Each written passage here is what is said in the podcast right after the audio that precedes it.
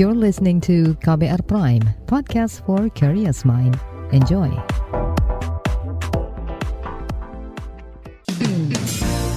Anda mendengarkan Ruang Publik edisi khusus Indonesia Baik. Bersama kita jadikan Indonesia baik.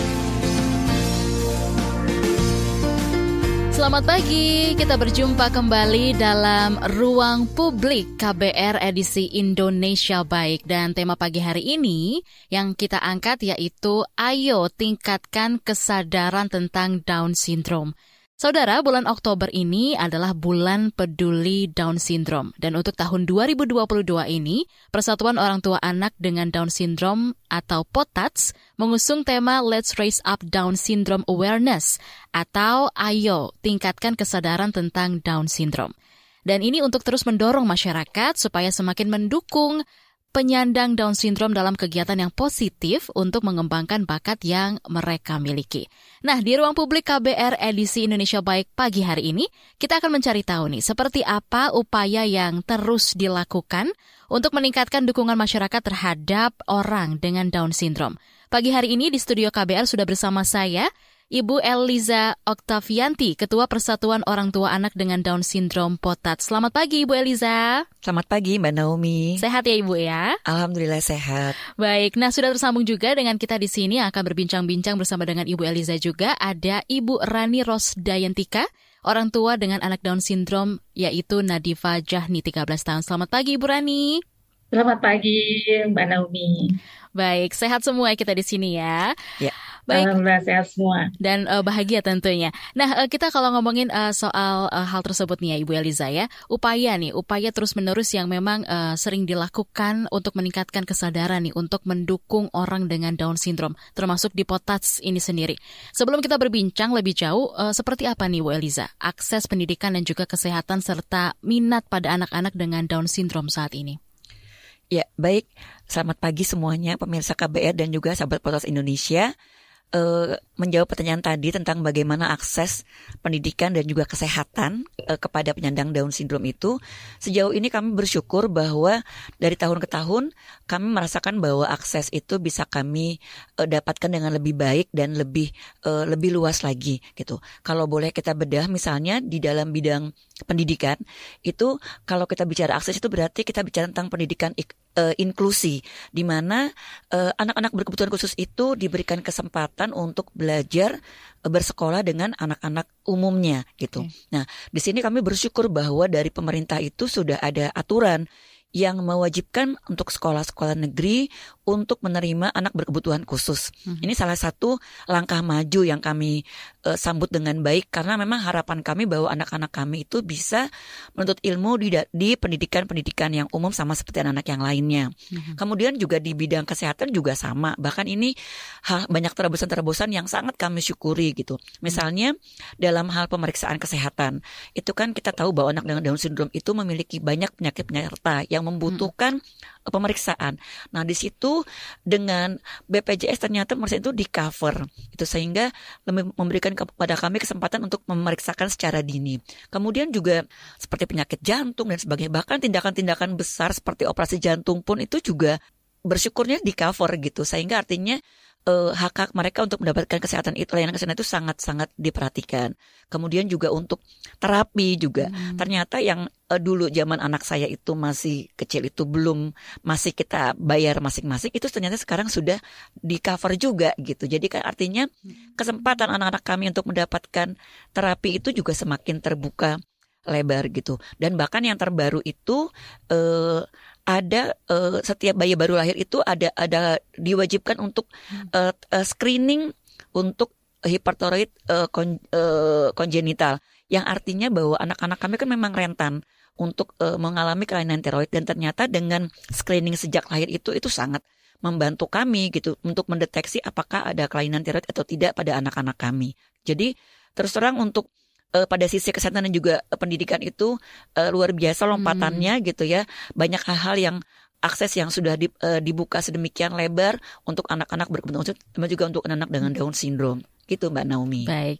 Nah, tapi kalau dalam akses pendidikan dan juga kesehatan ya Ibu Eliza ya, ini apa sudah tersebar secara meratakah di daerah-daerah lain juga untuk anak-anak dengan Down syndrome atau seperti apa nih Ibu Eliza? Ya, baik. Uh, kalau dibilang penyebarannya sebenarnya seharusnya sudah karena hmm. memang itu kan peraturan pemerintah yang berlaku nasional gitu. Jadi uh, artinya hak itu bisa didapatkan oleh mm-hmm. uh, semua penyandang nasional di seluruh Indonesia. Mm-hmm. Namun memang akan ber, akan menjadi berbeda dalam uh, pelaksanaannya gitu. Kayak misalnya contoh tadi pendidikan inklusi yeah. yang memang uh, sekolah di, uh, diwajibkan untuk menerima anak berkebutuhan khusus itu dengan maksimal itu dua. Mm-hmm. Nah itu uh, itu kan juga ternyata harus disiapi dengan berbagai perangkat gitu. Misalnya mm-hmm. tenaga tenaga pengajarnya, apakah sudah dibekali dengan uh, ilmu tentang bagaimana melakukan mengajar anak dengan Down syndrome atau ABK lainnya. Hmm. Kemudian juga fasilitas pendukung, kemudian juga kurikulum kurik, kurikulumnya yang tidak bisa disamakan dengan teman-teman di sekelasnya. Jadi mengandung fleksibilitas. Nah, ini yang kami rasakan uh, belum merata gitu. Hmm. Karena memang dalam pelaksanaannya yang kami lihat itu uh, apa namanya masih bergantung kepada institusi yang bersangkutan gitu. Hmm. Jadi ketika institusi itu uh, memberikan satu apa persiapan yang lebih, yeah artinya anak-anak yang yang bersekolah di sekolah umum itu artinya mendapatkan layanan seperti yang diharapkan. Namun eh, jika di institusi itu eh, terbatas fasilitasnya, kemudian juga kayak besar gurunya juga belum di siapkan. Nah, itu menjadi menjadi masalah juga gitu. Karena akhirnya kami juga menemui beberapa anak yang awalnya bersekolah di sekolah umum hmm. akhirnya tidak mampu gitu. Hmm. Cukup setahun dua tahun akhirnya kembali ke misalnya SLB gitu. Jadi memang okay. beberapa banyak keterbatasan. Kemudian juga kayak di bidang kesehatan. Hmm. Misalnya kayak terapi hmm. ternyata juga kan belum semua rumah sakit gitu menyediakan yang pemerintah itu menyediakan tempat terapi. Sehingga akhirnya yang di daerah itu belum merasakan gitu. Belum juga kemudian juga adanya berbagai batasan. Misalnya dalam satu minggu itu hanya boleh dua jam terapi. Sementara hmm. e, banyak sekali aspek-aspek yang mesti diterapi pada anak-anak kami. Nah itu yang menjadi hal yang mungkin belum merata ketika di kota-kota besar itu e, dengan persiapan yang jauh lebih baik maka juga yang diterima juga jauh lebih banyak dibandingkan dengan yang di daerah yang secara fasilitas itu belum mendukung. Begitu mbak. Oke baik, tapi selain itu eh, faktor-faktor uh, lainnya nih yang mempengaruhi terbuka atau terbatasnya akses ini seperti apa aja nih Bu Eliza? Ya tadi kayak tadi kan masalah mm -hmm. uh, kesiapan gitu yeah. ya, iya. artinya perangkat pendukung di uh, bidang yang berwenang gitu. Hmm. Kemudian juga yang kedua juga tentu dalam dalam kami juga masih ada kendala-kendala gitu internet hmm. dalam dalam anggota kami di potas itu ya. Di antaranya misalnya uh, untuk yang apa namanya kalangan uh, menengah ke bawah gitu. Hmm. meskipun uh, apa namanya tadi sudah banyak hal di, dalam kesan yang sudah di cover artinya tidak perlu, perlu mengeluarkan biaya. Cuma tadi banyak yang tinggal di daerah-daerah terpencil yang effort buat ke rumah sakit hmm. itu apa namanya butuh butuh besar gitu kan. Sehingga akhirnya itu yang mungkin bisa jadi menghambat begitu. Mereka untuk bisa uh, menggunakan uh, layanan tersebut gitu. Kemudian juga tadi uh, belum belum semua gitu kan terjangkau atau melek dengan internet dan teknologi yeah. sehingga kadang-kadang uh, hal-hal seperti itu uh, tidak diketahui gitu oleh oleh mereka sehingga belum bisa memanfaatkannya. Itu yang menurut kami ada hal-hal yang mempengaruhi. Baik, baik. Nah, uh, sekarang kita ke Ibu Rani nih ya. Nah, Ibu Rani, uh, ini ini kan bagian dari potats gitu ya. Mungkin boleh diceritakan dulu asal mula Ibu Rani ini bisa tahu ataupun kenal dengan potats ini dan alasannya bergabung seperti apa? Silakan Ibu Rani. Oke, baik Mbak Naomi.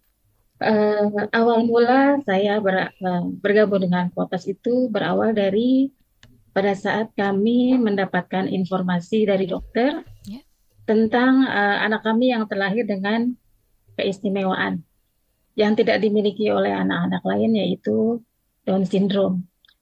Uh, saat itu kami mencoba mencari uh, tambahan informasi tentang apa itu Down syndrome, kemudian bagaimana efeknya dan uh, bagaimana penanganannya uh, dan apa yang harus dilakukan oleh orang tua.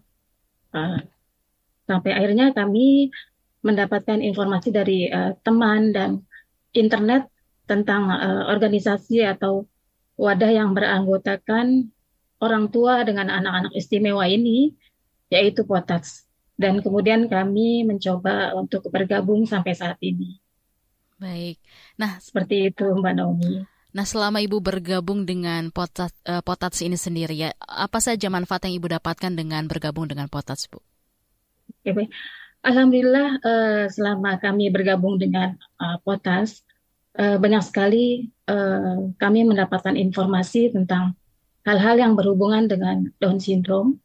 Misalnya seperti masalah kesehatan, kita juga bisa mendapatkan informasi uh, tentang bagaimana seharusnya memperhatikan dan memperlakukan kesehatan anak-anak ini seperti kesehatan gigi, kesehatan uh, mata, kemudian bagaimana mengantisipasi penyakit-penyakit yang mungkin terjadi pada anak-anak ini, termasuk uh, bagaimana kami berperilaku sehat pada saat masa pandemi COVID uh, kemarin.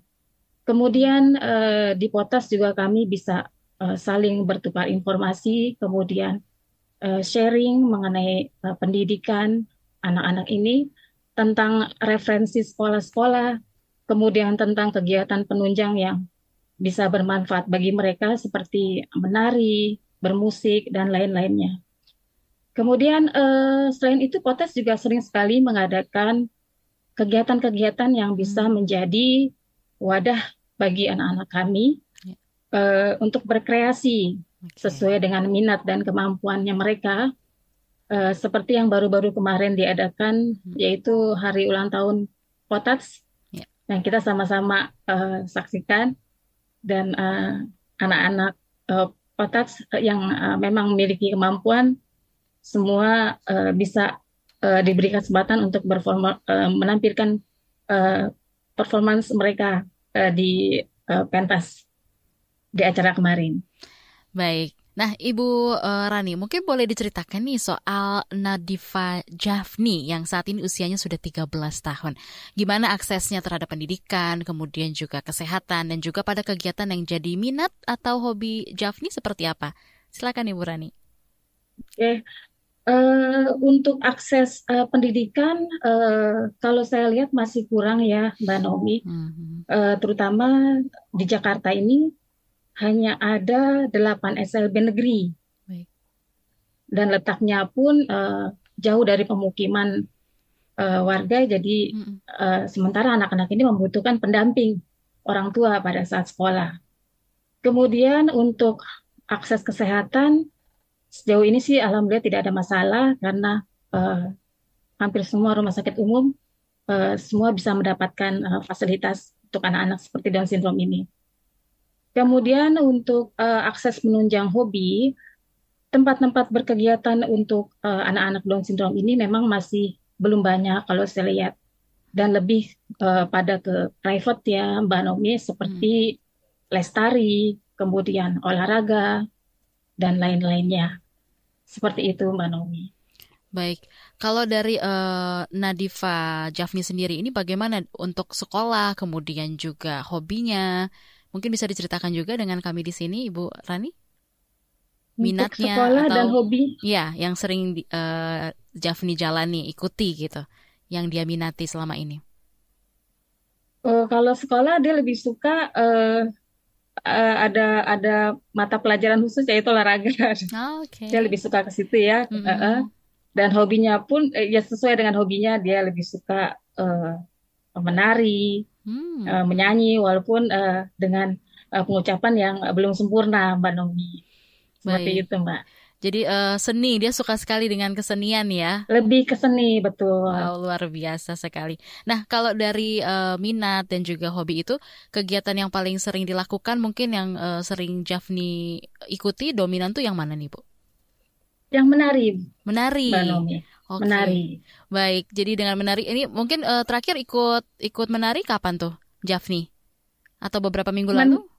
Uh, uh, seminggu yang lalu ikut menari karena memang uh, Jafni juga uh, mengikuti uh, les sanggar di Rumah Ceria Down Syndrome itu yang okay. uh, uh, di uh, di kota sendiri yang mengadakan. Wow, keren keren banget Jafni. Baik, uh, Ibu Rani dan juga Ibu Eliza, nanti kita akan lanjutin lagi ngobrol-ngobrol kita di pagi hari ini. Ruang Publik KBR akan segera kembali. Masih Anda dengarkan Ruang Publik KBR. Commercial break commercial break.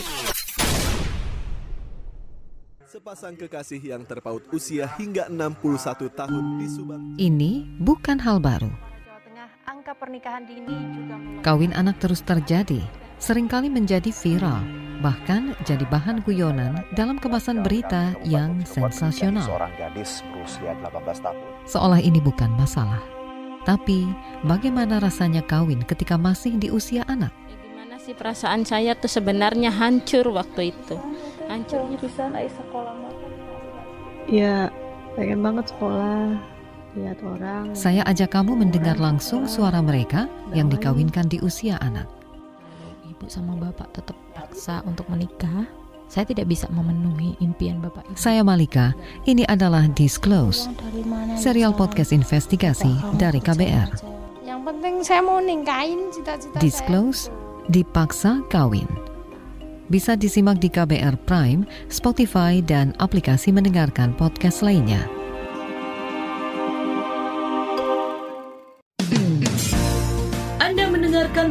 Ruang Publik edisi khusus Indonesia Baik. Bersama kita jadikan Indonesia baik. Ya kembali lagi di Ruang Publik KBR edisi Indonesia Baik bersama saya Naomi Liandra dan juga kedua narasumber kita pagi hari ini ada Ibu Eliza dan juga Ibu Rani yang tersambung di Zoom ya.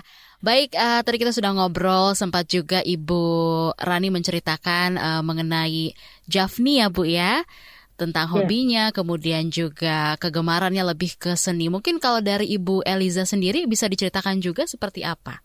Untuk apanya nih maksudnya Mbak? Untuk anaknya Ibu seperti apa? Oh baik. Kalau anak saya Zakira itu usianya sekarang 12 tahun. Mm -hmm. Itu Zakira itu lebih uh, saya lihat passion itu lebih kepada bidang olahraga okay. gitu. Uh, di bidang seni sebenarnya saya lihat dia suka juga nari-nari. Uh, mm -hmm. Cuma tidak yang terlalu maksudnya mau menekuni gitu. Mm -hmm. Tapi kalau untuk bidang olahraga itu dia sangat antusias okay. gitu. Jadi uh, dia itu mengikuti kegiatan renang mm -hmm.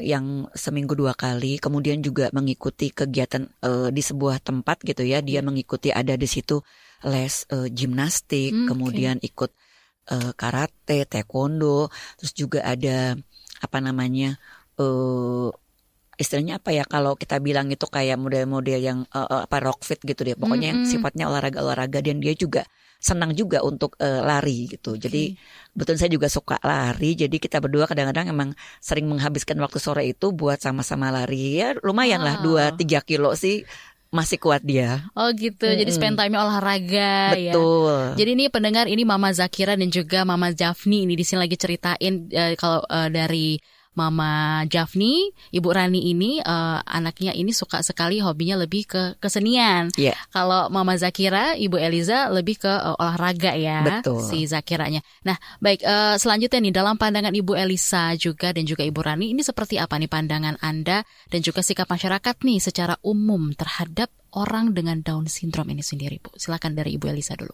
Oke baik, kalau saya sih melihatnya dari dua sisi gitu ya Mbak ya. Baik. Jadi yang pertama memang pada satu sisi itu kita melihat bahwa saat ini penerimaan masyarakat itu sudah sudah lebih jauh lebih baik gitu. Hmm. Artinya ketika potas itu melakukan pendekatan kepada berbagai golongan masyarakat itu kita Hmm. eh, mendapatkan sambutan yang baik. Buktinya dalam beberapa event-event ketika kita merangkul mereka Ya. itu mereka menerima dengan baik. Contoh tahun lalu kita buat eh, event Potats Virtual Race itu Oke. kita menyasar kepada masyarakat yang suka olahraga lari dan juga sepeda.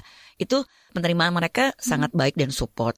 Tahun ini kita punya sasarannya kepada orang-orang yang bekerja di bidang industri ter- eh, khususnya desainer. Itu Mm-mm. juga ternyata mereka menyambut dengan baik gitu. Jadi dalam satu sisi saya melihat bahwa sambutan mereka itu eh, lebih lebih terbuka gitu ya. Eh, tapi saya juga melihat bahwa didasari juga dari faktor pendidikan, kemudian juga eh, pola pikir gitu.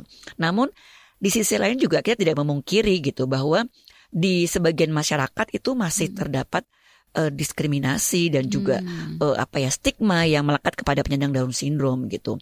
Di masyarakat yang di daerah bahkan kita sering menemukan anak-anak yang Down syndrome itu yang tidak diberikan kesempatan untuk bermain keluar karena mereka hanya dikurung di rumah bahkan dalam ekstrinya ada yang sampai dipasung gitu. Kemudian juga atau jangan jauh-jauh ketika di Jakarta juga ada yang orang tua yang terpaksa tidak membolehkan anaknya untuk keluar rumah karena ketika mau main keluar rumah itu dilarang gitu oleh teman-temannya atau oleh orang tua atau tetangganya yang lain gitu. Jadi satu sisi itu memang masih ada gitu Mbak Iya. eh, penerimaan seperti itu. Mm. Bahkan kalau kita lihat sekarang di media sosial gitu di mana saya lihat bahwa nilai-nilai itu menjadi suatu hal yang aneh gitu ketika Mm-mm. eh, konten-konten yang apa namanya yang mengandung pelecehan atau mengandung bullying terhadap fisik itu justru mendapatkan eh, apa sambutan luas gitu. Dan kita juga menemui beberapa anak kami itu dimasukkan dalam konten-konten dijadikan bahan lelucon, bahan ejekan tertawaan gitu seperti itu. Jadi kita berpikir bahwa ya tadi masyarakat memang sangat luas dan beragam. Jadi satu sisi ada yang sudah lebih baik, tapi ada juga satu sisi yang memang masih perlu diedukasi. Bahkan satu hal yang saya membuat saya agak sedih gitu ketika saya mendatangi sebuah sekolah SLB dan saya coba anak saya untuk sekolah di situ itu ternyata ketemu dengan gurunya gurunya bilang oh oke bu nanti anaknya diajar- diajarin aja untuk memijat gitu. Bilang. Saya sampai berpikir maaf pak maksudnya? Iya memijat aja gitu. Dalam hal ini saya bukan bicara tentang profesi memijat sebagai sesuatu yang Iya. rendah hanya saja saya berpikir ternyata pola pikir itu adalah institusi yang dekat dengan anak-anak dengan Down syndrome, guru SLB. Itu pola pikirnya seperti itu gitu. Bahwa mereka memandang bahwa anak dengan Down syndrome ini ya potensinya itu tidak apa ya artinya terbatas sekali. Padahal sementara kenyataannya justru apa namanya berbalik bahwa ternyata Hmm. anak kita itu punya potensi banyak. Jadi sebenarnya ketika kita bicara soal acceptance atau penerimaan itu nggak sekedar untuk menerima mereka atau men- tidak menjauhi tapi juga bagaimana Cara melihat mereka, mereka, sebagai ya. anak-anak ini eh, Iya. diyakini punya potensi gitu bukan sekedar sesuatu yang ya udah sekedar Iya. ada gitu nah itu yang saya pikir eh, itulah gambaran masyarakat kita tentang bagaimana mereka menerima anak dengan Down syndrome Baik, ini pandangan dari eh, Ibu Eliza. Bagaimana kalau dari Ibu Rani sendiri, Bu? Ya, baik. Eh, hampir sama sebenarnya pandangan kami dengan eh, Bunda Eliza. Eh, sampai saat ini kami juga masih eh, merasakan adanya pandangan negatif eh, atau diskriminasi terhadap anak-anak Down syndrome maupun kepada orang tuanya. Kemudian ada juga yang menganggap eh, anak-anak eh, Down syndrome ini sebagai anak-anak yang terbelakang, yang tidak dapat berbuat apa-apa tanpa bantuan orang lain, sehingga mereka dijauhi oleh teman-temannya. Seperti itu yang kami lihat. Kemudian eh, ada juga yang menganggap anak-anak Down syndrome itu adalah anak-anak yang harus dijauhi karena eh, kadang-kadang bertindak atau eh, bertingkah laku yang eh, sangat membahayakan, seperti eh, kayak mencaci, kemudian eh, dan lain-lain lah, eh, memukul seperti seperti itu. Itu memang eh, saya pernah temukan. Eh, namun demikian memang tidak sedikit juga orang-orang eh, justru di luar sana yang berpandangan eh, positif dan eh, menaruh simpati kepada anak-anak Down syndrome ini eh, maupun orang tua. Bahkan eh, saya ada eh, kasus juga ini eh, ada anggota keluarga yang eh, memang masih belum bisa menerima anak-anak eh, Down syndrome ini apa adanya, Eh, sehingga eh, saya lihat timbul eh, perbedaan perlakuan terhadap mereka. Eh, itu sih yang masih saya lihat ya eh, eh, di masyarakat umum terhadap anak-anak Down syndrome. Oke, baik. Nah, ini eh, bisa mungkin diceritakan juga sama kami di sini ya, Bu Eliza dan juga Ibu Rani.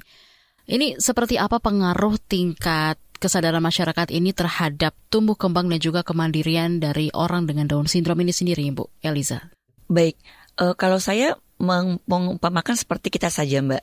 Ketika kita berada di lingkungan yang membuat kita nyaman, artinya mereka yang menerima kita apa adanya, kemudian juga mereka eh, menghargai keberadaan kita, kemudian juga mereka memberikan kepada kita kesempatan untuk melakukan mencoba banyak hal, maka kita biasanya akan timbul rasa nyaman. Dan kita dengan spontan itu akan mengeluarkan apa yang terbaik dari diri kita gitu kan saya pikir saya sebagai orang yang biasa pun akan seperti itu ketika di lingkungan yang kondusif itu akan berusaha untuk menampilkan sisi-sisi terbaik kita Dari hati nyampe ke hati ya, Bu Betul. ya. Mm-mm. Nah, tidak tidak beda dengan anak dengan Down syndrome gitu. Makanya ketika mereka berada di lingkungan yang menerima mereka, kemudian menghargai mereka, memberikan mereka kesempatan untuk berkembang itu saya yakin itu akan banyak menstimulasi hal-hal baik dalam diri mereka sehingga akan muncul berbagai kemampuan, bakat dan talenta yang kelak bergunakan dengan buat mereka gitu. Jadi saya yakin sekali di mana-mana semua manusia siapa pun itu tentu eh, akan sangat bagus jika ditumbuh di lingkungan yang support dengan mereka begitu. Baik. Kalau dari Ibu Rani mungkin tambahannya seperti apa yang tadi disampaikan oleh Ibu Eliza? Ya, eh, betul sekali eh, Bu Elisa, eh, sama juga. pengaruhnya uh, masyarakat kepada anak-anak uh, Down syndrome ini sangat besar sekali ya kalau saya lihat karena semakin dibedakan dan diperlakukan uh, berbeda uh, maka kemandirian dan kemampuan anak-anak Down syndrome ini uh, jadi akan semakin menurun, mm-hmm. semakin rendah gitu. Jadi maksud uh, saya mungkin uh, perlakukanlah mereka secara wajar uh, seperti anak-anak lainnya sesuai dengan kemampuan mereka. Baik, Ibu Rani dan juga Ibu Eliza ditahan dulu. Obrolan kita nanti kita akan lanjutkan kembali tentunya. Tetaplah di Ruang Publik KBR. Anda mendengarkan Ruang Publik edisi khusus Indonesia Baik. Bersama kita jadikan Indonesia baik. Kembali lagi di ruang publik KBR edisi Indonesia Baik pagi hari ini dengan tema Ayo tingkatkan kesadaran tentang Down Syndrome. Bersama dengan Naomi Liandra dan juga kedua narasumber kita ada Ibu Eliza yaitu ketua dari Potats dan juga Ibu Rani orang tua dengan anak Down Syndrome yaitu Nadifa Jafni yang berusia 13 tahun.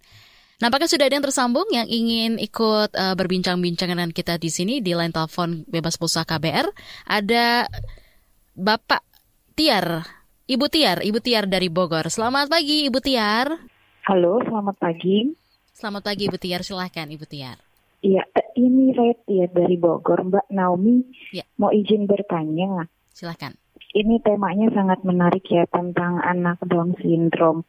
Salah satu yang dilakukan itu kan Mohon maaf Ibu Tiar, bo boleh diulang? Sorry, suaranya tidak terdengar jelas. Bisa diulang kembali? Halo, sudah ya. sudah terdengar? Iya, silakan. Iya, ini kan kita sebenarnya bisa ya kampanye lewat sosial media digalakan lagi supaya semakin aware orang-orang tuh bahwa anak-anak dan sindrom itu juga harus mendapatkan perlakuan yang sama gitu ya oleh orang-orang di sekitarnya. Karena banyak di sosial media konten-konten sekarang tuh justru hanya untuk hal-hal yang membuat tenang ataupun uh, yang bikin lucu-lucuan tapi untuk awareness sama teman-teman yang Down syndrome ini masih kurang kontennya.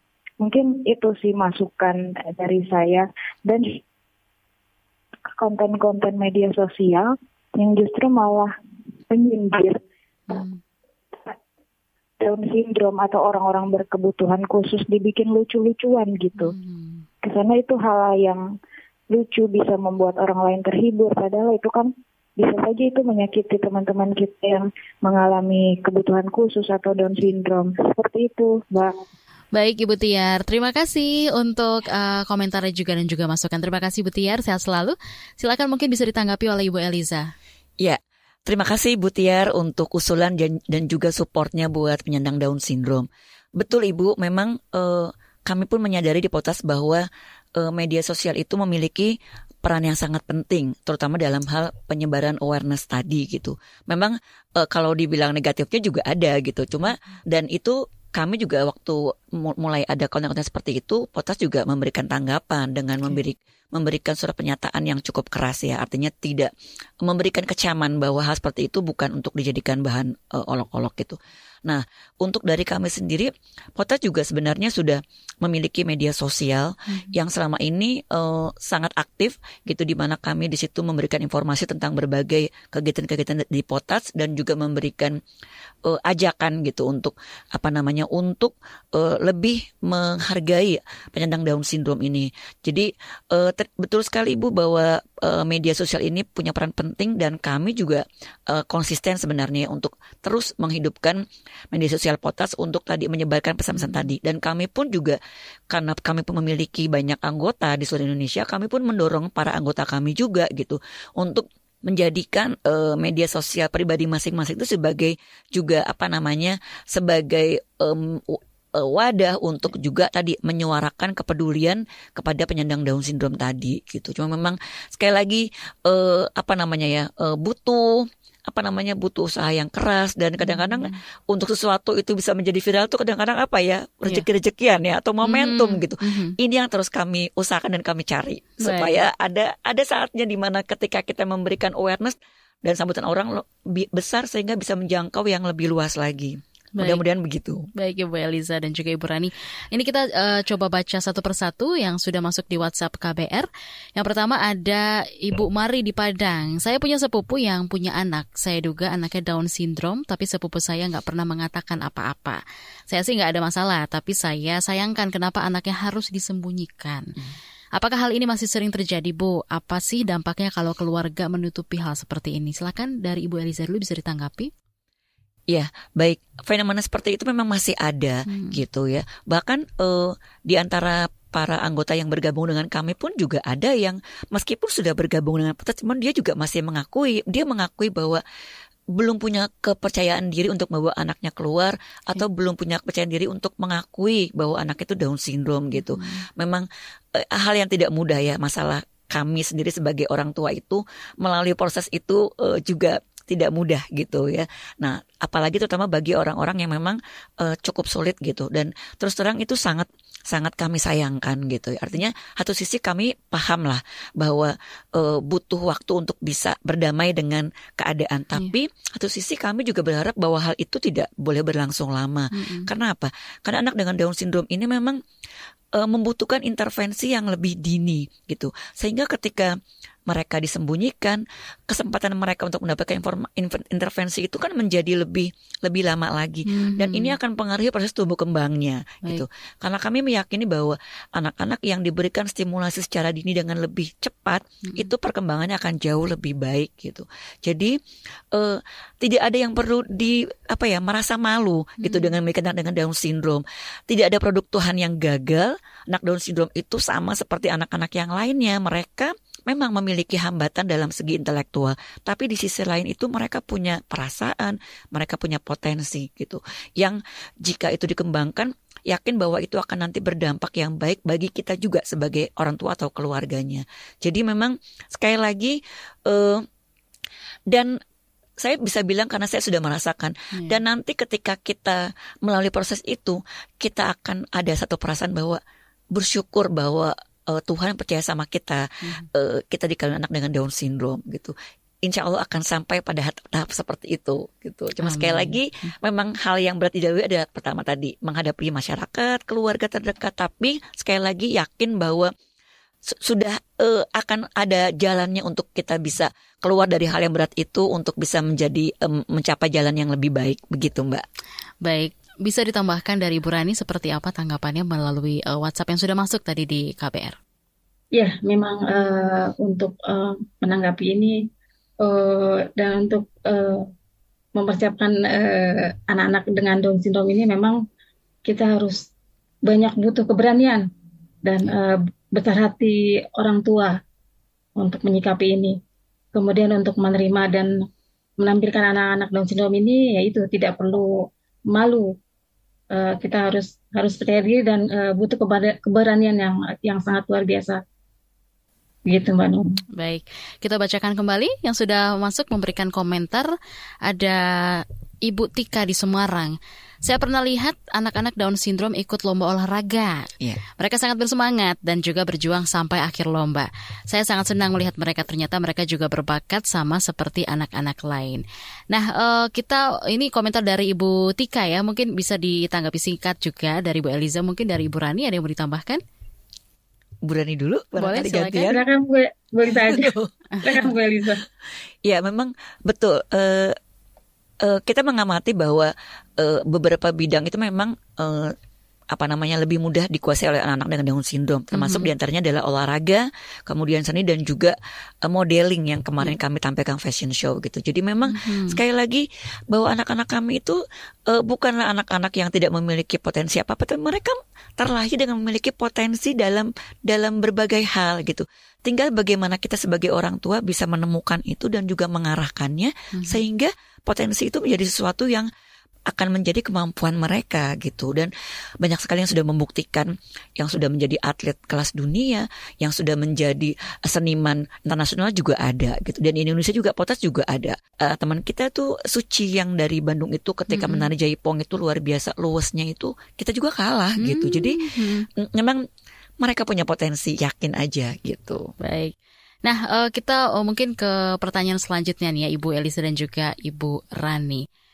Baik, uh, apakah soal kekerasan yang mungkin uh, rentan dialami orang dengan Down syndrome ini, terutama perempuan, ini menjadi concern dari Potats ini sendiri dan apa yang dilakukan?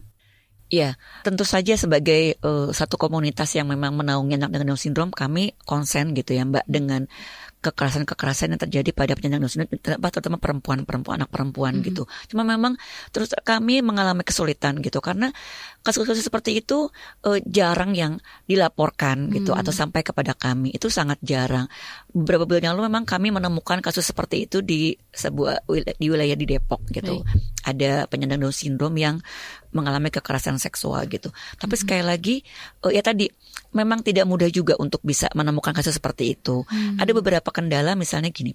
Yang pertama adalah uh, kan anak-anak dengan seni itu kan memang kesulitan dalam hal komunikasi. Yeah. Jadi uh, mereka kesulitan dalam menceritakan apa yang mereka alami hmm. gitu. Atau hal yang kedua, mereka tidak paham bahwa apa yang mereka alami itu adalah sebuah uh, apa namanya uh, pelecehan begitu. Yeah. Nah, begitu pula dengan keluarganya. Sehingga memang kasus-kasus seperti itu jarang yang sampai kepada kami gitu. Jadi dan kami sendiri tentang Potat itu tidak uh, belum memiliki uh, apa ya lembaga hukum ya yang bisa mengadvokasi. Mm-hmm. Tapi kami sebagai komunitas berbasis orang tua, yeah. kami melakukan pendampingan kepada keluarga dan juga orang tua itu yeah. uh, mencoba untuk ya memang kalau memang yang kasus itu terakhir itu kita coba dipertemukan dengan mm-hmm. pihak berwajib gitu seperti mm-hmm. itu. Artinya itu yang kami bisa lakukan. Tapi sekali lagi sebagai uh, kami yang berbasis orang tua, pada akhirnya kami lebih kepada internal kami, hmm. mengedukasi orang tua bagaimana menyiapkan anak-anak kita ini agar mereka mengerti uh, apa yang boleh apa yang tidak artinya mereka mengerti masalah pubertas mereka mengerti masalah pendidikan seksual itu yang kami tanamkan kepada orang tua jadi hmm. lebih kepada untuk preventifnya hmm, okay, ya anak-anak kami dibekali dan putas pun juga bu, um, pernah menerbitkan komik okay. tentang pubertas dan juga pendidikan seksual untuk penyandang Down syndrome. Baik. Gitu. Nah, ini kan berdasarkan data tiga tahun catatan tahunan Catahu Komnas Perempuan 2020-2022 menunjukkan bahwa angka kelompok perempuan disabilitas yang paling tinggi ini mengalami kekerasan gitu ya, yeah. yang tadi seperti disampaikan sebelumnya, yaitu perempuan dengan disabilitas mental ataupun juga intelektual yang di dalamnya termasuk perempuan dengan Down syndrome. Nah, ini mungkin uh, ke Ibu Rani nih. Bagaimana Ibu Rani mengedukasi keluarga maupun uh, Nadifa Jafni sendiri gitu ya, supaya aksi kekerasan baik fisik maupun verbal ini tidak terjadi. Mungkin nanti bisa uh, disampaikan lebih jelas dan juga lugas. Namun kita harus break dulu. Hmm. Kita akan dengarkan pesan-pesan berikut ini tetaplah di ruang publik KBR. Masih Anda dengarkan ruang publik KBR. Commercial break. Commercial break. Anda sering gelisah, tidak bisa tidur nyenyak, selalu merasa ada yang merasuki pikiran Anda. Ini bukan iklan horor atau cerita seram, tapi kalau Anda mengalami hal seperti itu, Anda pasti ketinggalan berita terupdate yang lagi ramai diperbincangkan. Gak mau kan dibilang ketinggalan berita?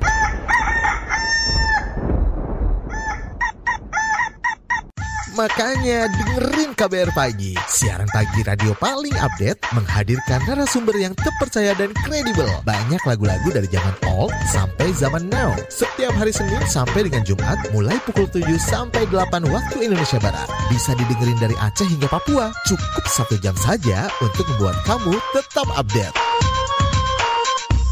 Woi, ayam siapa nih? Berisik, saya mau dengerin kabar pagi. Mendengarkan Ruang Publik edisi khusus Indonesia Baik. Bersama kita jadikan Indonesia baik. Ya, kita tiba di bagian akhir ruang publik KBR edisi Indonesia Baik hari ini. Dan bagi Anda yang tadi tidak sempat mendengarkan siaran ini secara utuh, Anda bisa dengarkan kembali di podcast KBR Prime id dan pilih ruang publik. Ini kita masih membahas ya soal meningkatkan kesadaran tentang Down syndrome bersama dengan Ibu Eliza dan juga Ibu Rani. Ibu Rani tadi sempat uh, terpotong sebentar karena ada break. Gimana nih Bu? Uh, Ibu Rani mengedukasi keluarga dan juga uh, buah hati Ibu Nadifa supaya aksi kekerasan baik fisik maupun verbal ini tidak terjadi. Silakan Ibu Rani. Baik. Uh, cara kami mengedukasi eh, mengedukasi uh, keluarga Dana Diva ini lebih kepada uh, bagaimana membekali dan meningkatkan kemampuan Nadifa untuk berperilaku dan bersikap yang wajar dan terarah sesuai dengan kemampuannya sehingga dapat uh, diterima juga secara wajar oleh orang-orang sekitar. Kemudian kami juga tidak segan untuk uh, memberikan informasi yang positif kepada orang-orang sekitar tentang Down syndrome, hmm. sehingga diharapkan uh, dapat menimbulkan kesadaran yang positif juga. Baik. Jadi mungkin uh, bisa tambahan juga seperti contohnya seperti mandi gitu ya anak-anak dan uh, anak-anak uh, dan sindrom ini seperti Nadifa uh, uh, kalau mandi itu hanya karena dia perempuan jadi uh, harus ibunya yang uh, mencontohkan jadi uh, tidak dengan lawan jenisnya gitu seperti ayahnya itu pun itu itu uh, itu uh, tidak kami lakukan jadi uh, kami mengajarkan seperti itu Baik. Baik, ini uh, kita bacakan kembali WhatsApp yang sudah masuk ya. Uh, ada Bapak Martin di Manado. Untuk sekolah inklusi di daerah, apakah anak Down syndrome bisa mengaksesnya? Dan termasuk kesiapan guru, teman-teman, sarana dan prasarana seperti apa? Silakan Ibu Eliza. Ya, baik Pak Martin, terima kasih pertanyaannya untuk masalah penerimaan sekolah inklusi itu kan memang sudah menjadi peraturan pemerintah dan itu berlaku seluruh Indonesia. Hmm. Jadi siapa pun dan di mana pun di Indonesia itu tentu uh, punya hak untuk mengakses tersebut hmm. gitu. Cuma memang masalahnya adalah masih ada pembatasan. Hmm. Jadi dalam satu kelas itu maksimal hanya bisa ada dua uh, anak berkebutuhan khusus hmm. dan bahkan kalau yang uh, kasusnya itu berat hanya boleh satu.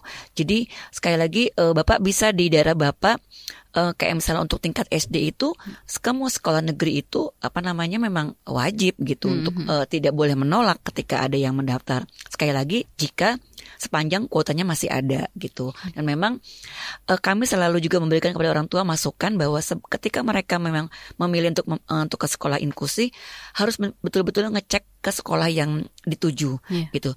Karena tadi saya bilang di awal bahwa kesiapan dari masing-masing sekolah itu berbeda-beda gitu. Hmm. Jadi kita yang memang perlu proaktif mencari tahu seperti apa nih sekolah yang akan uh, anak kita tujukan gitu ya. Hmm. Apakah memang betul-betul di situ uh, guru-guru sudah siap, kemudian juga tadi lingkungan pendukungnya juga sudah disiapkan, kemudian hmm. juga tadi apakah kurikulumnya itu dibuat fleksibel sehingga bisa menyesuaikan dengan anak kita atau malah disamakan. Jadi memang banyak faktor-faktor yang harus kita uh, pikirkan gitu untuk uh, anak kita mengikuti sekolah inklusi ini gitu. Dan kami juga memang mengedukasi juga bahwa pilihan sekolah itu beragam gitu. Inklusi atau tadi SLB yang memang dari segi jumlah juga SLB pun juga sebenarnya masih terbatas Mbak. Mm -hmm. Jadi mm -hmm. dalam satu tahun itu hanya bisa menerima berapa kuotanya sangat sedikit gitu. Jadi tadi yang tadi Mama Jafni bilang di awal itu memang benar gitu. SLB pun juga terbatas jumlahnya. Jadi mm -hmm. memang uh, sekali lagi tadi uh, kita juga memberikan pilihan yang lain juga jika mau homeschooling hmm. atau memilih sekolah yang betul-betul khusus gitu itu juga uh, banyak dan itu sesuai dengan kondisi anak dan juga orang tua. Anak pun juga harus disiapkan loh Mbak. Yeah. Tidak semua anak itu bisa masuk ke sekolah inklusi apakah mereka sudah memiliki kemandirian, sudah mereka juga sudah artinya sudah bisa berkomunikasi secara sederhana. Hmm. Itu juga perlu kita lihat kesiapan anak kita juga gitu. Baik, baik. Nah, ini uh, uh, pada pada peringatan Hari Down Syndrome sedunia di tahun ini 2022. Komnas Perempuan ini kan mendorong kementerian juga terkait untuk meningkatkan kesadaran masyarakat gitu ya, meningkatkan juga akses pendidikan inklusif dan juga akses kesehatan reproduksi dan seksualitas pada orang dengan Down Syndrome. Nah ini Ibu Eliza, bagaimana Anda melihat keterlibatan kementerian Ibu uh, terkait hak-hak orang dengan Down Syndrome ini sendiri? Ya, kalau sejauh ini uh, Potas itu apa namanya masih berjuang begitu hmm. untuk bisa uh, melakukan pendekatan kepada pihak kementerian tadi gitu. Okay. Ya kami memang uh, mengetahui gitu bahwa uh, beberapa kebijakan itu memang sudah dibuat untuk anak dengan Down syndrome, tetapi dalam pelaksanaan itu yang uh, kami belum tahu sejauh apa dan kami berusaha untuk mencari tahu, mm-hmm. berusaha untuk membuka uh, ruang untuk audiensi tapi memang uh, banyak apa masih harus berjuang lah Mbak gitu. Yeah. Ya.